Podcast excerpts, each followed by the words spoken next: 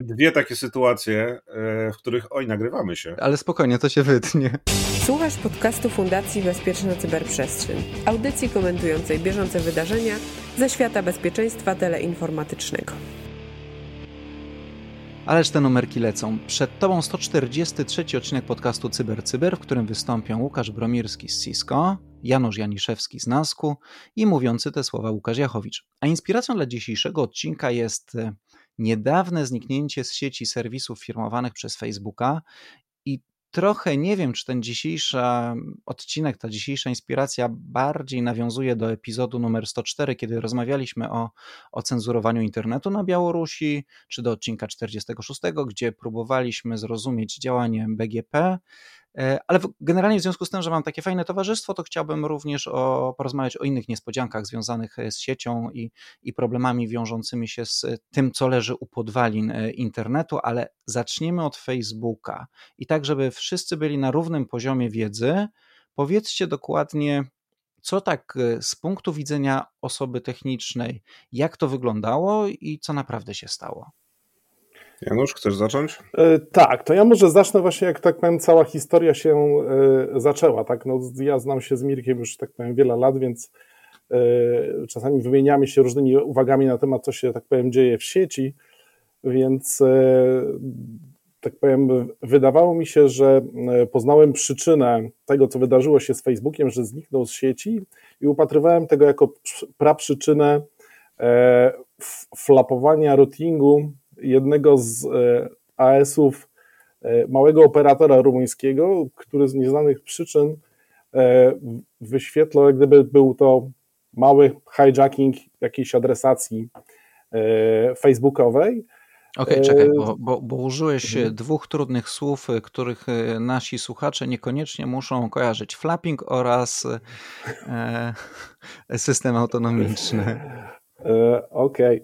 Okay. Więc e, tutaj e, flapowanie routingu, czyli przełączanie się co kilka sekund e, ścieżek w routingu BGP, tak, czyli trasowania pakietów, który często jest przyczyną, jeżeli operator, który jest jako upstream dla takiego operatora, który tego typu flapowanie, czyli przełączanie cykliczne co krótkim okres czasu przełącza tą tablicę routingu, powoduje tak powiem, rozchwianie, rozchwianie czasami, tak powiem, dużych obszarów routingu BGP, co często kończy się właśnie tym, że ta sieć albo jakaś część po prostu jest niedostępna dla zwykłych użytkowników e, internetu. E, więc e, ponieważ Facebook dość, tak powiem, głośno się chwali tym, że oczywiście korzysta z sprzętu i oprogramowania znanych brandów produkujących sprzęt sieciowy, to również posiada, tak powiem, urządzenia, które sam e, kupuje hardware, zamawia, tak powiem, w jakiś, tak powiem, producentów, natomiast pisze swoje oprogramowanie do tego, swoje routery, swoje przełączniki, e, które są często oparte, tak powiem, o jeszcze niezestandaryzowane e, protokoły lub rozwinięcia rozszerzenia, tak, co właśnie, tak powiem, podejrzewałem, że jeden z problemów właśnie mógł być wywołany przez taki właśnie małe flapowanie, czyli przyłączanie tych ścieżek routingu i rozchwianie tego, tym bardziej, że parę lat temu e, była dość podobna sytuacja e, z Facebookiem, natomiast wtedy, tak powiem, zupełnie nie było informacji, co było przyczyną takiego właśnie problemu z dostępnością Facebooka, natomiast wiemy, że sieć jest typowo SDN-owa, tak, czyli Software Defined Network, czyli to kontrolery zarządzają siecią, więc jeżeli jest problem z kontrolerem zarządzającym siecią, tak, no to ta sieć będzie miała również, również problemy. Tak? Więc tutaj było takie podejrzenie, że coś się takiego wydarzyło, no i stąd nasza konsultacja oczywiście e, już też wcześniej żeśmy podobne case'y, e, tak powiem, z, z Łukaszem Wijamirek konsultowaliśmy, więc tutaj też Łukasz, e, tak powiem, wskazał, tak powiem, właściwy tok postępowania, co, co się wydarzyło w tablicy routingu i co spowodowało problemy z dostępnością e, Facebooka, tak, gdzie tak powiem, można powiedzieć, że było słychać skowet wszystkich internautów, tak jak e, w Star Wars, tak New Hope, zniszczenie planety Alderan, więc e, tak powiem, często pojawiały się takie memy w internecie porównujące ten, ten właśnie, tak powiem, wypadek w sieci, tak, do, do, do tak powiem, incydentu z Gwiezdnych Wojen. Czy poczułeś zakłócenie w mocy? Tak, zakłócenie tak. w mocy. Wszyscy poczuli zakłócenie w mocy, bo na innych portalach natychmiast pojawiła się masa informacji od hiperaktywnych użytkowników. Tak, tak jak Janusz mówi, e, sytuacja była taka, że według oficjalnego raportu i też nie mamy powodów, żeby mu nie wierzyć, bo to jest dosyć dobrze oddane w tym, co zapisało się w e, rejestratorach BGP naokoło świata koledzy z Facebooka po prostu nagle zaczęli znikać. Najpierw zniknęły 3-4 24, które mm, służyły do tego, żeby ściągać ruch do DNS-ów facebookowych, bo Facebook e, przed awarią i po awarii nadal utrzymuje sam sobie swoje własne serwery DNS, co nie jest jakby dobrą praktyką i pewnie o tym porozmawiamy jeszcze potem. Janusz e, podzieli się swoimi obserwacjami. E, ja oczywiście chętnie też, jak, jak będziemy mieli czas. I ponieważ zaczęli wycofywać te 24 z DNS-ów, no to rozwiązywanie czegokolwiek w domenie Facebook.com było niemożliwe i chwilę potem, jak powygasały rekordy tam po 120-240 sekund, e, część miała wpisane tylko po parę godzin, w zależności od tego, kto keszował, czy jaki dostawca DNS keszował, czy w ogóle keszował te rekordy, e, no to po prostu strona przestawała być dostępna i przestawała być dostępna też dla aplikacji na smartfonach, no i ogólnie zapanował totalny chaos. Co gorsza, jeszcze chwilę potem, jak wycofali te DNS-owe 24, to zaczęli w ogóle wycofywać swoje mm, prefiksy infrastrukturalne. No tam ewidentnie doszło do, do dosyć dużej awarii. Facebook tłumaczy to tym, że no jakby źle zadziałał system automatyzacji, który spowodował, że coś miało zostać zdeployowane i niby było przetestowane na jakiejś tam małej skali, ale w momencie, kiedy tego zaczęło się robić więcej, wzrosło tam dosyć dużo ruchu w jednym z takich centr agregacyjnych i to spowodowało taką kaskadową E, awarie. No jest to dosyć typowe w takich systemach wysoko zautomatyzowanych. Podobne awarie w zeszłym roku miał Amazon, w, w poprzednich latach Google i, i, różnego rodzaju tego typu duzi, bardzo duzi gracze na, na tym rynku. Nie upatrywałbym akurat tutaj winy w jakiejś implementacji BGP czy czegokolwiek innego po stronie Facebooka. Prawdopodobnie to raczej E, albo operator, albo ten system automatyzacyjny coś tam e, po drodze wpisał za przecinek za dużo, albo coś w tym stylu. Możemy się tego nie dowiedzieć, bo jakby nie dzielą się większą ilością detali. Ale na dzień dzisiejszy to, to trochę tak wygląda, że, że wygląda na to, że zawiodła nas automatyka. Facebook, co ciekawe, przeszedł e, już dwa razy drogę mm, do budowy swoich własnych protokołów routingu. Chwalił się tym dosyć głośno na, na, na, na nogu. Napisali nawet w zeszłym roku, czy nawet w tym roku, napisali taki dosyć ciekawy dokument, white paper o tym, jak zbudować taki pra prawdziwy application routing dla swojej sieci i w oparciu o to właśnie standaryzują swoją sieć. No a potem wracali trochę z podkulonym ogonem do protokołu BGP, jeśli chodzi o sterowanie, bo z jednej strony nie dawał im elastyczności i tego, co chcieli w, w kontekście aplikacji, no a z drugiej strony mm, no jakoś działał i się skaluje dzisiaj w internecie. Natomiast oni trafiali na jakieś tam ograniczenia, które następnie trzeba było mm, e, rozpatrywać inaczej, ale wszyscy duzi gracze eksperymentują ze swoimi własnymi protokołami do, do routingu i muszą się na koniec dnia tylko na swoim własnym brzegu dostosować do tego, czego używa e, reszta świata, no czyli de facto protokołu BGP. Czy przedkładając e, część tego, co mówisz na język cywili, krótko mówiąc, e, z internetu zniknęła jakaś pod, znaczy z internetu zniknęła wiedza, jak dostać się do podsieci, w której są serwery DNS. Tak, koledzy z Facebooka wymazali się gumką z mapy i udawali, że ich nie ma i nie odzywali się na krzyki, gdzie jesteście, gdzie jesteście. Okej. Okay. A czy da się coś takiego zrobić? E, znaczy inaczej, czy da się w ten sposób y, o, wymazać gumką y, taką podsieć facebookową, jeżeli się nie jest Facebookiem? Oczywiście, że się da. Pytanie, jakie masz środki, Janusz? No właśnie, ja chciałem, ja właśnie, ja chciałem właśnie powiedzieć, że nie wiem, czy my chcemy do końca przekazywać taką wiedzę, bo zarówno Łukasz, jak i ja wiemy, jak internet wyłączyć, tak, i to niedużymi środkami, tak się przynajmniej wydaje. Tak, i, i, I podejrzewam, że w paru miejscach na Ziemi, tak powiem, podobne scenariusze gdzieś się w głowie rodzą i e, jak to zrobić, tak? Ja, ja przypominam e, sławetne obietnice Anonymous, tak? Którzy mieli wyłączyć e, internet, ale tego nie zrobili, tak? No bo kto by się dowiedział o tym, że tak powiem wyłączono internet, gdzie by o tym poinformowali, tak? Więc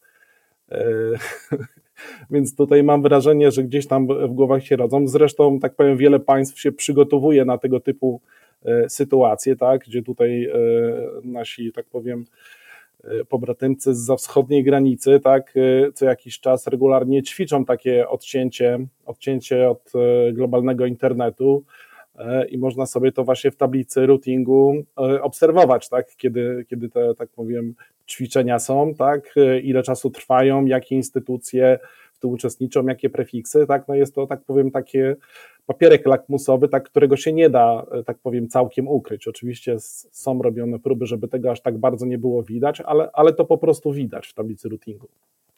Natomiast też bez przesady, używając przykładu czy przez analogię Facebooka, no widać wyraźnie, co ewentualnie trzeba zrobić. Tak? No na pewno trzeba zadbać o to, żeby serwery DNS ofiary przestały być dostępne, jeżeli to jest jakaś ogólnodostępna usługa.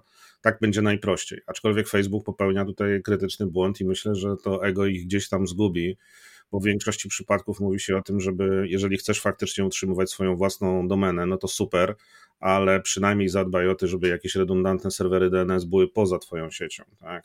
albo wręcz nie zarządzane przez Ciebie i na, oparte na zupełnie innym stosie systemu operacyjnego i aplikacji, tak, żeby ta sama luka na przykład w, w, zabezpieczeniach, czy tam, no generalnie błąd, tak, nie wywalił jednocześnie Twoich serwerów DNS i, i Twojego znajomego, który utrzymuje je dla Ciebie. No właśnie, i, i, czy to jest normalne, że firma, o, która ma no, nieskończoną infrastrukturę, e, i czy to, to, jest typowe, bo może Facebook nie jest jedyny, pakuje DNS-y do jednej podsieci?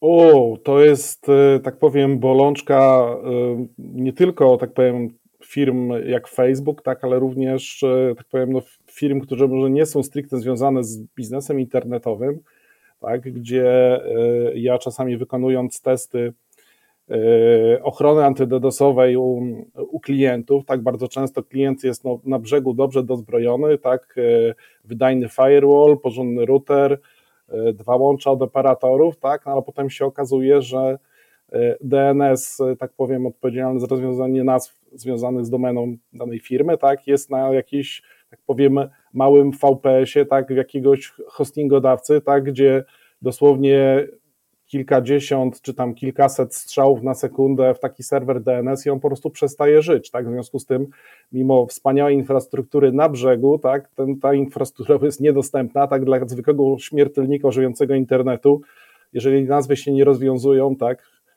na adres IP, no to, to, to nie ma łączności, tak? W związku z tym, e, no to jest e, no taki, można powiedzieć, kardynał Richelieu, tak, w, w, błędnej, e, w błędnym zaprojektowaniu sieci, tak, i, e, i, i trzymania jej niezawodności, tak. E, tak samo jak no też często zdarza się, że usługi antydedosowe kupowane czasami u operatorów za, za grube pieniądze są tak powiem nie do końca dobrze skonfigurowane, tak, bo na przykład ruch powrotny od takiego operatora, tak, Scrubbing Center operatora przy, przyjmuje ten ruch, potem musi zwrócić już wyczyszczony ruch e, klientowi, tak, najczęściej robi to na e, tunelach grę, tak, gdzie tak naprawdę ten e, punkt, punkt pomiędzy operatorem a, a infrastrukturą klienta to są normalnie nadal, tak powiem, rutowalne adresy na, na tunelu, tak, w związku z tym taki tunel też da się zaatakować i wyłączyć i coraz więcej coraz więcej, tak powiem, tych, którzy robi DDoSy i zajmuje się tym w cudzysłowie zawodowo, wie, jak, tak powiem, jest zbudowana infrastruktura antydedosowa danego operatora i doskonale sobie z tym radzą. To jest, tak powiem, coraz bardziej wiedza powszechna.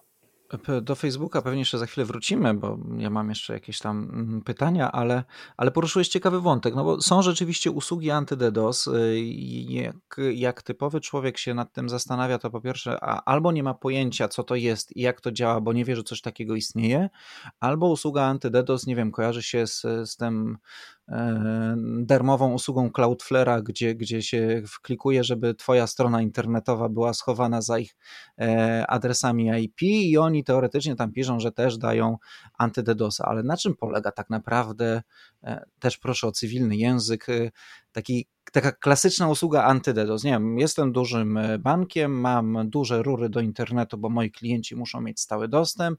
Nie chodzi wyłącznie o port 80, więc darmowego Cloudflare'a nie wykorzystam.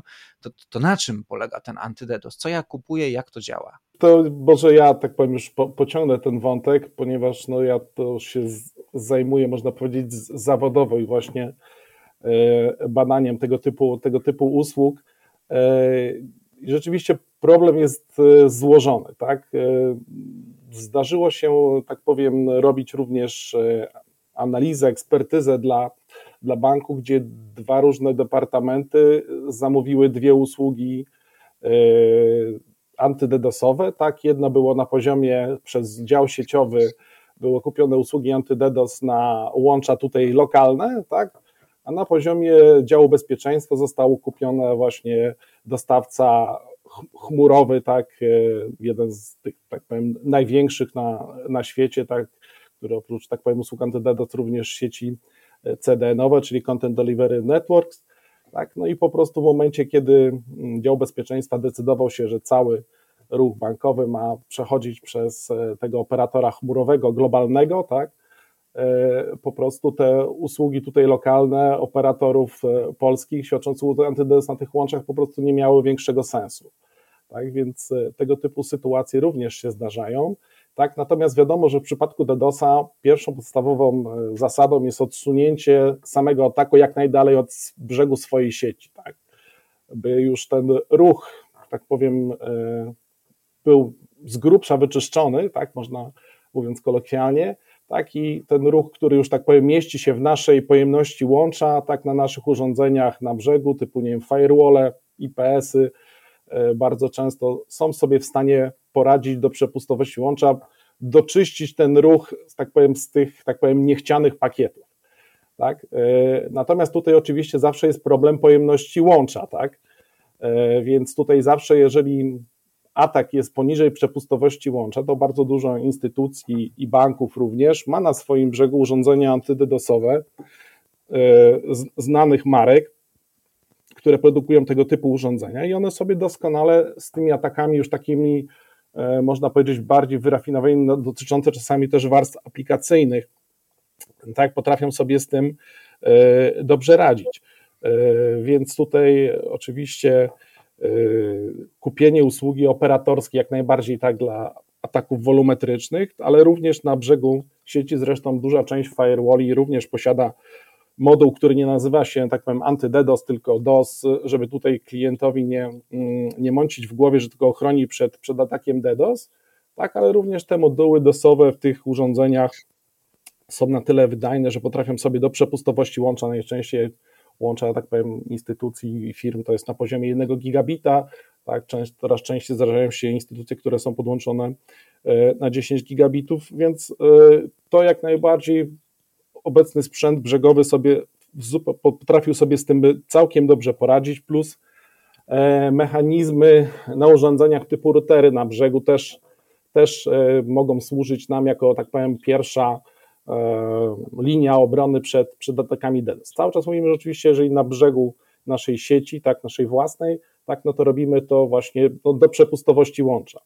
Oczywiście można również się bawić, jeżeli mamy łącza e, z e, operatorem, wymieniamy się protokołem BGP, można się też bawić pewnymi mechanizmami na to, żeby e, potencjalnie chronić się przed atakami, które przekraczają nasze, naszą przepustowość, tak? ale wymaga to wtedy współpracy z siecią operatora, tak? czyli rozgłaszanie chociażby blackholingów, tak? czy to będą destination blackhauling, czy source blackhauling, to już jest, tak powiem, sprawa wtórna i tutaj może nie chcę zbyt, tak powiem, wchodzić w techniczne szczegóły, e, ale jest to, jest to, jest to możliwe. Zresztą e, operatorzy również mają problemy z atakami DDoS, tak?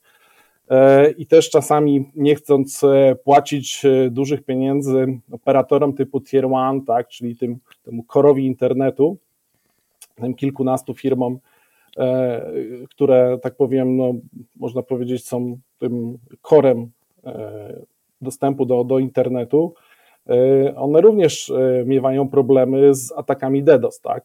Każdego zaboli operatora typu Tier 1 atak DDoS na poziomie jednego terabita. Tak, więc to na pewno go zaboli. A, a poczekaj, bo powiedziałeś e, o metodach walki, że albo mamy tam na urządzeniach brzegowych, czy tam po naszej stronie, czy po operatora stronie, albo możemy się bawić w blackholing. A czy ten blackholing to, i tu sięgam do swojej niedawno zdobytej wiedzy o BGP, o którym przed chwilą wspomnieliśmy, e, czy ten blackholing jest na poziomie źródła, to znaczy mogę zniknąć chociażby w swojej podsieci tego, który mnie atakuje, czy znikam siebie dla, tego, dla tej sieci, która mnie atakuje? Na czym to polega? Tu oczywiście Łukasz jest e, najlepszym fachowcem od tego, e, ale ja się e, wypowiem, że standardowo, w, tak powiem, używa się oczywiście destination blackhauling, tak? czyli można powiedzieć, że blackholuje się adresy, które są atakowane, tak? czyli można powiedzieć, że ten, który atakuje, osiąga to, co chciał osiągnąć, czyli że zniknie, tak powiem, z internetu jego ofiara, tak? czyli to, co chciał osiągnąć. Natomiast oczywiście e, operatorzy, nawet nie wiem, duży czy średniej wielkości, posiadają kilka czy kilkanaście styków tak, e, międzyoperatorskich. No i tu zależy oczywiście od, tak powiem, wyszkolenia, jak i również konfiguracji sieci, że można się w cudzysłowie pobawić, tak? czyli na przykład blackholować się tylko na tych stykach, tak, przez które idzie główny atak tak, na, na naszego klienta. Tak, w związku z tym e, no, najczęstszą praktyką i tutaj tak powiem wszyscy operatorzy w, tutaj na terenie naszego kraju powiedzą, że tak naprawdę tych najgroźniejsze ataki, które tak powiem tutaj dolatują na, do naszej przestrzeni e, internetu, to są ataki pochodzące z zagranicy. Tak? W związku z tym podstawową metodą ochrony klientów tutaj na terenie naszego, naszego kraju to jest e, blackholowanie adresów klientów na stykach zagranicznych, tak? I najczęściej to się robi na kilka, kilka minut, tak? Co tak naprawdę takiego klienta nie boję, że klienci z terenu Polski nadal są dostępni, tak? Mają dostęp do usług niezakłócony, tak? A na styku zagranicznym przez jakiś czas ich nie widać, kilka, kilkanaście minut, to naprawdę nie zaszkodzi im biznesu, a jest to, tak powiem, skuteczna metoda również poinformowania tych atakujących, słuchajcie, widzimy was, umiemy sobie z tym radzić.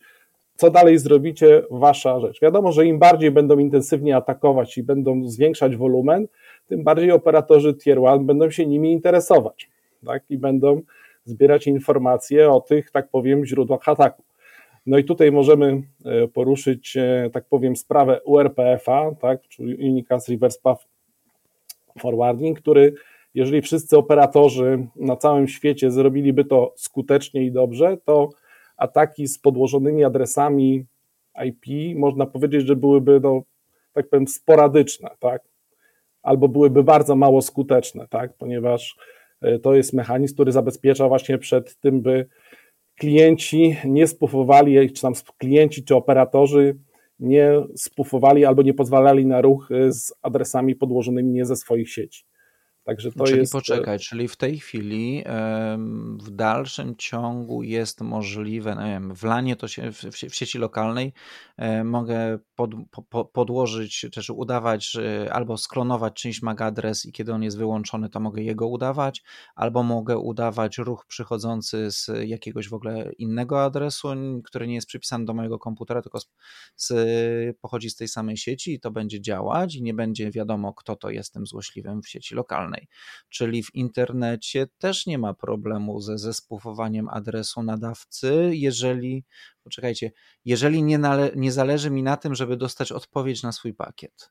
Ale to też nie jest priorytet już dzisiaj, bo oczywiście spufuje się nadal w przypadku ataków DDoS, ale coraz częściej DDoSuje botnet i jakby właściciela botnetu zupełnie nie interesuje to, że jakaś pani Janina siedząca przy swoim komputerze, którego odpala raz na rok, albo ma odpalonego właściwie cały czas i gra w pasjansa, albo wysyła maila do wnuczki, to on tam cały czas wysyca upstream i wali pakietami po, po świecie, bo takie dostaje, dostaje rozkazy. Patrzę sobie właśnie na informacje z Kajdy. Kajda robi taki, zbudowała taki projekt, który się nazywa Spoofer, patrzę na dane dla Polski i, i, pokazują, że oni szacują, że dzisiaj w Polsce można mniej więcej 14% przestrzeni adresowej zespoofować. Kiedyś ten, ten spoofing był, zaczynał być trudny. Pamiętam, jak robiłem takie prezentacje na Confidencie w 2008 roku i te wartości bardzo mocno spadały i też dzięki, dzięki naszym operatorom, ale widzę, jak dzisiaj patrzę na nazwy tych prefiksów, które Kajda namierzyła, że można zespoofować, no to widzę tutaj zarówno dużych, jak i małych. Nie będę cytował nazw, ale można sobie samemu sprawdzić na, na stronach Kajdy, tak? I to jest jedna rzecz, a drugą rzecz jeszcze chciałem dodać do tego, co Janusz powiedział o, o black holingu, że mm, z jednej strony tak, jakby mm, bardzo szybko można sobie z DDoSem poradzić, jeżeli wiemy jak i mamy przeszkoloną załogę i tu do tych szkoleń naprawdę zachęcam, bo ludzie robią najdziwniejsze rzeczy, jak się właśnie nie spodziewają czegoś, albo są przekonani, że zawsze będą w stanie wpisać właściwe polecenia, a w momencie stresu zapominają albo wpisują zupełnie inne polecenie ale też myślę, że warto podzielić się ze słuchaczami jakby skalą. Jeden z operatorów, mam okazję znać trochę osób tutaj w tym w europejskim, międzynarodowym świadku. Jeden z operatorów kiedyś mi powiedział a propos dyskusji o, o jednym z rodzajów rozgłoszeń w BGP, który się nazywa Flowspec że oni trzymają dziennie w tablicy routingu BGP w blackholingu, czyli jakby tych adresów IP, które blackholują jakby non-stop, w granicach 200 tysięcy adresów non-stop, tak?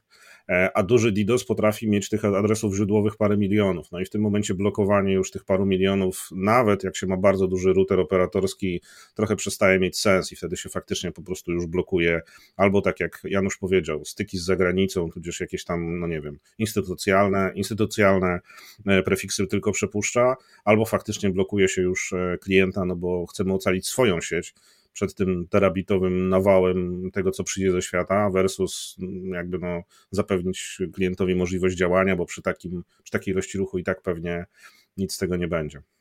No właśnie, co się dzieje z takim pakietem, kiedy sieć, e, do której ten pakiet jest kierowany, nagle wyparowuje z routingu? W sensie, gdzie on się gubi? Kto, kto, kto, kto, czyje łącze jest zapchane, a czyje już nie? Gdzieś po drodze będzie router, który zajrzy do swojej, dostanie taki pakiet, zajrzy do swojej tablicy routingu, popatrzy i powie, ojej, nie mam trasy do, tej, do tego miejsca. No i teraz są dwie możliwości. Albo będzie miał zdefiniowaną trasę domyślną. No generalnie routery tranzytowe takich tras nie powinny mieć w tablicy routingu. E, i wtedy wyślę faktycznie tam, gdzie mam wpisaną trasę domyślną, tak? A w, drugiej sytuacji, kiedy powie, no dobra, nie, nie jestem w stanie dostarczyć tego pakietu, no to zrobi dwie rzeczy. Po pierwsze, pakiet odrzuci, co nie jest jakby męczące dla routera, a z drugiej strony wyślę do źródła tego pakietu informację o tym, że pakiet został odrzucony. No i oczywiście dobre routery, czy tam generalnie jakby dobrze skonfigurowane urządzenia mają tutaj ustawione rate limitery odpowiednie, bo sam taki ruch powrotny może zabić przeciętnego klienta, jak się mu wygeneruje w twarz parę giga takiego, takiego ruchu, albo właśnie tak jak Janusz mówił, zespufuje taki ruch specjalnie po to, żeby taki efekt wygenerować. No właśnie ten, ten spoofing mnie cały czas y, troszkę męczy, bo E, bo, bo, bo rzeczywiście e, można no, podszyć się pod tego, kogo chce się zaatakować, i wtedy routery będą tymi atakującymi teoretycznie te, te, tego nieszczęśnika, czyli współczesne routery sobie z tym radzą i, i, nie są tak głupie, że, że po prostu przesyłają na każdy pakiet, który dostają, na każdy pakiet odpowiadają. Generalnie są ustawione rate limitery domyślnie i są ustawione rate limitery, które się zaleca, żeby ustawić. W zależności od tego, z jakim producentem masz do czynienia, pewnie ustawienia będą wyglądały trochę inaczej, ale daje się to zrobić.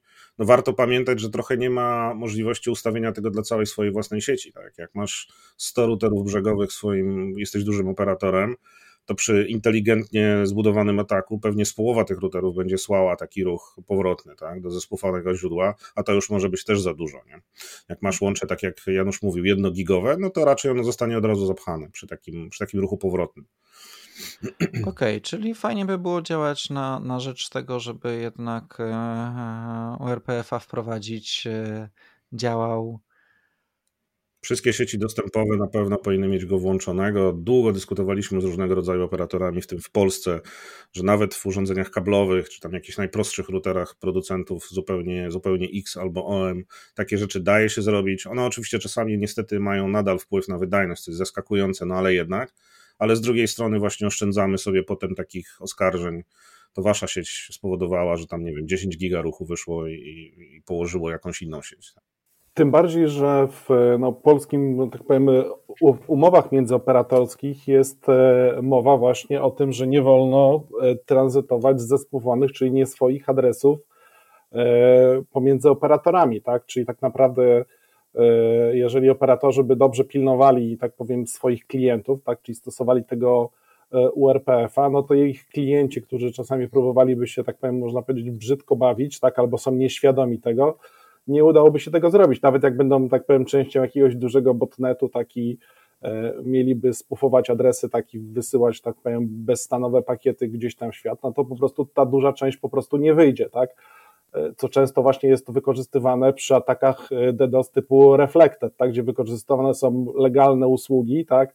Gdzie wysyłany jest pakiet do legalnej usługi, tak, e, typu, nie wiem, NTP, dość, dość źle skonfigurowanego serwera NTP, tak, z, z podłożonym adresem źródłowym ofiary, tak, i wtedy ten serwer NTP próbuje odpowiedzieć na ten adres właśnie zespufowany ofiarę, wysyłać tym właśnie, tak powiem, od, odpowiedzią najczęściej tam wielokrotnie większą niż samo zapytanie.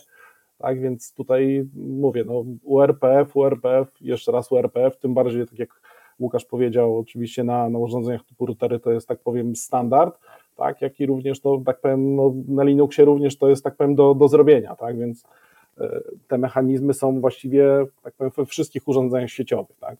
Czyli to nie jest tak jak e, z, z, BGP, że tam RPKI to sobie mogą wdrożyć wielcy operatorzy, a my, mali użytkownicy, nie mamy nic do gadania. E, my tego RPF-a, jeżeli mamy sensowny router, który nam dostarcza internet do domu, też możemy sobie w jakiś sposób włączyć, w taki sposób, żeby nasz, e, nasz komputer, jeżeli by się stał częścią botnetu, nie siał po, po internecie, tak? Dokładnie tak. Jeżeli nie ma mechanizmu tak. typu RPF, to można taką, tak powiem, ACL-kę, tak, rulę na, na swoim routerku domowym również założyć, żeby wychodziły tylko od nas, tak powiem, e, pakiety z naszymi adresami źródłowymi. To, to, prawda, jak, jak macie taki router, na którym nie macie jakiegoś wyszukanego systemu operacyjnego, ale możecie na nim zainstalować OpenWRT na przykład, to OpenWRT ma w sobie wbudowany URPF taki, tak się po prostu nazywa i to jest fajne. No to, to, to cieszy, że to jest coś, nad czym też mamy kontrolę, e, a tak 100 odcinków temu, kiedy rozmawialiśmy o BGP i o infrastrukturze klucza publicznego, podpisywaniu tych wszystkich komunikatów e, BGP, e, nasz rozmówca Jakub powiedział, że Polska generalnie jest dosyć dobrze pod tym kątem stoi, bo wszyscy duzi operatorzy wdrożyli ten, ten, ten, to, to, te, te, i podpisują swoje własne komunikaty, e, nie akceptują niepodpisanych od e, operatorów, którzy powinny je podpisywać i, i pod tym kątem Polska jest ok i, i, i ciężko jest wyłączyć kawałek polskiej podsieci, będąc osobą złośliwą, bo po prostu nie będzie właściwego podpisu kryptograficznego.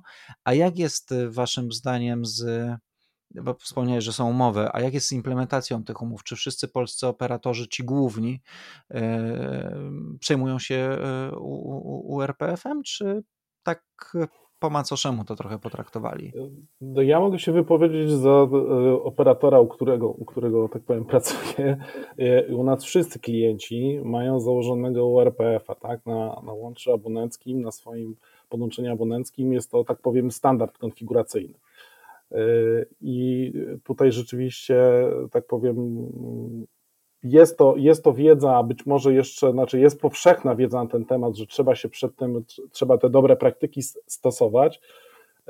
Natomiast no, nie mamy wglądu w, tak powiem, w konfigurację operatorów, jakie mają procedury konfiguracyjne. Zdajemy sobie sprawę, że są operatorzy bardzo, bardzo, bardzo duży, tak i, i wprowadzenie tego typu E, standardu, tak i pomysłowości klientów e, może nastręczać problemy, tak i, i potem standardowa obsługa na infolinii no nie będzie w stanie w sposób nawet prawidłowy obsłużyć takiego klienta, tak, gdzie wiadomo, że jest liczone SLA, czas obsługi e, taki ma to, może mieć przełożenie, przełożenie na, na pieniądze, ale muszę powiedzieć, że staramy się przynajmniej tą wiedzę propagować. Tak? Ja tutaj e, jestem gorącym zwolennikiem tego. Oczywiście każdy operator płacze, także no, jak ma asymetryczny routing, tak, albo ten, to, to, to, to jest to problematyczne, ale oczywiście są różne tryby pracy i tutaj operatorzy to jest tylko i wyłącznie można powiedzieć lenistwo i wygodnictwo, tak, bo, bo to się wszystko da zrobić, tak samo jak z implementacją RPKI, tak i podpisywanie e, swoich obiektów, które się rozgłasza, tak, e, no to jest rzeczywiście pewien no, narzut administracyjny, który trzeba na to położyć i, i trzeba tego pilnować. I rzeczywiście no tutaj e, wszyscy starają, starają się optymalizować, tak powiem, swój czas, bo wszyscy go mamy za mało, tak, no i tutaj wydaje mi się, że jakieś potencjalnie regulacje lub best practices tak, e, powinny być stosowane. I wydaje mi się, że właśnie to, co Łukasz powiedział, ten e, serwis CAIDA, która, która tego typu właśnie projekty prowadzi, rozpropagowanie może spowodować, że bo to można sobie ściągnąć takiego klienta, tak, programik na swojego kompa. Oczywiście to jest z organizacji, która jest, tak powiem, no, znana i zaufana, więc to nie rodzi żadnych tam zagrożeń, że tu jakiś trojan nam się zainstaluje i można tak powiem, wynik e, działania tego programu raz, że się zobaczy, czy nasz operator stosuje dobre praktyki, ale też klienci mogliby wymóc w pewien sposób, tak stosując e, ten programik na swoich operatorach, by te dobre praktyki e, stosowali. Tak więc tutaj też no, jest, tak powiem, ukłon w stronę Fundacji Bezpieczna Cyberprzestrzeń, tak by E, tak powiem, też propagowała tego typu, tego typu projekty, by właśnie wymóc na tych operatorach stosowanie tych dobrych praktyk. Czyli to jest caida.org i tam project, spoofer i to będzie to.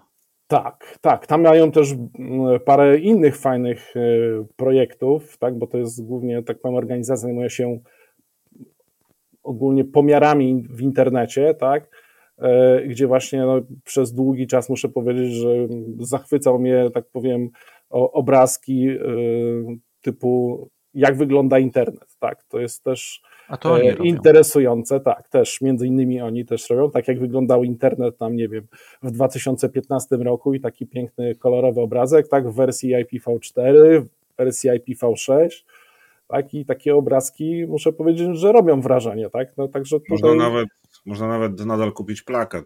Właśnie, jako prezent sobie też niektórzy, tak powiem, kupują.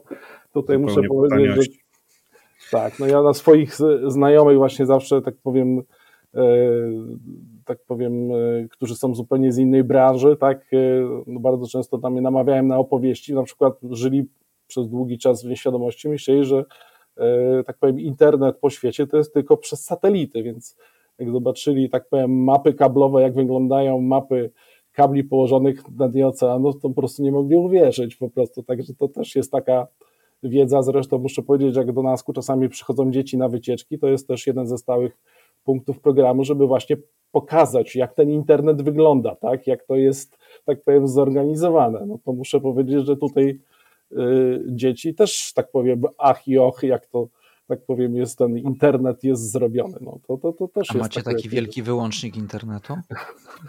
Wiesz co, to się niestety nie nadaje do nagrania, ale możesz Mirka spytać face to face, czy zna takiego gościa, co kiedyś wyłączył internet, wiesz? To jest znana, znana historia, ale myślę, że się mylicie, bo wi wiadomo, że internet znajduje się w takim małym czarnym pudełku. Tak, tak, tak, IT Crowd Starcy, starcy inter, mędrcy internetu przekazali go do prezentacji.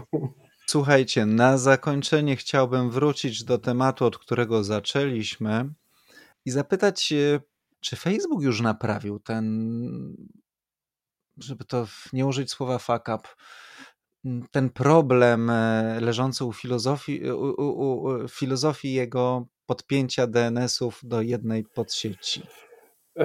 E, znaczy, ja sprawdziłem przed naszym, e, tak powiem, nagraniem i nadal wszystko jest w jednym AS. Mimo, że adresacje, mimo, że adresacje dwóch serwerów e, wskazują na, na adresację spółki Izraela, nadal jest to ten sam AS. Okej, okay, czyli to się niewiele różni od tego, jak niektórzy kiedyś trzymali serwery DNS, gdzie, FN, e, gdzie NS1 był na przykład .16, a NS2 był .17 i prawdopodobnie stały w tej samej szafie serwerowej albo w ogóle na jednym komputerze, tylko z dwoma interfejsami sieciowymi. O, to pomysłów naprawdę, pomysłów muszę powiedzieć, że już tak powiem, trochę doświadczenia mam i po klientach, tak powiem, przy różnych projektach na, naprawdę niektóre zadziwiają pomysłowością, co można e, w swojej sieci zrobić, żeby sobie sprowadzić problemy na głowę, także to chyba, tak powiem, muszę z Mirkiem porozmawiać na temat innego podcastu na ten temat, tak powiem, o ciekawych przypadkach, co można u klientów znaleźć, bo naprawdę jest, jest o czym opowiadać. Dobra, to, to, to w takim razie do tego tematu myślę, że wrócimy i na dziś, słuchajcie, to chyba by było na tyle. To był 143 odcinek podcastu Cyber Cyber. Nazywam się Łukasz Jachowicz, a moimi gośćmi byli Janusz Janiszewski i Łukasz Bromirski. Dzięki i do usłyszenia. Dziękuję. Dzięki.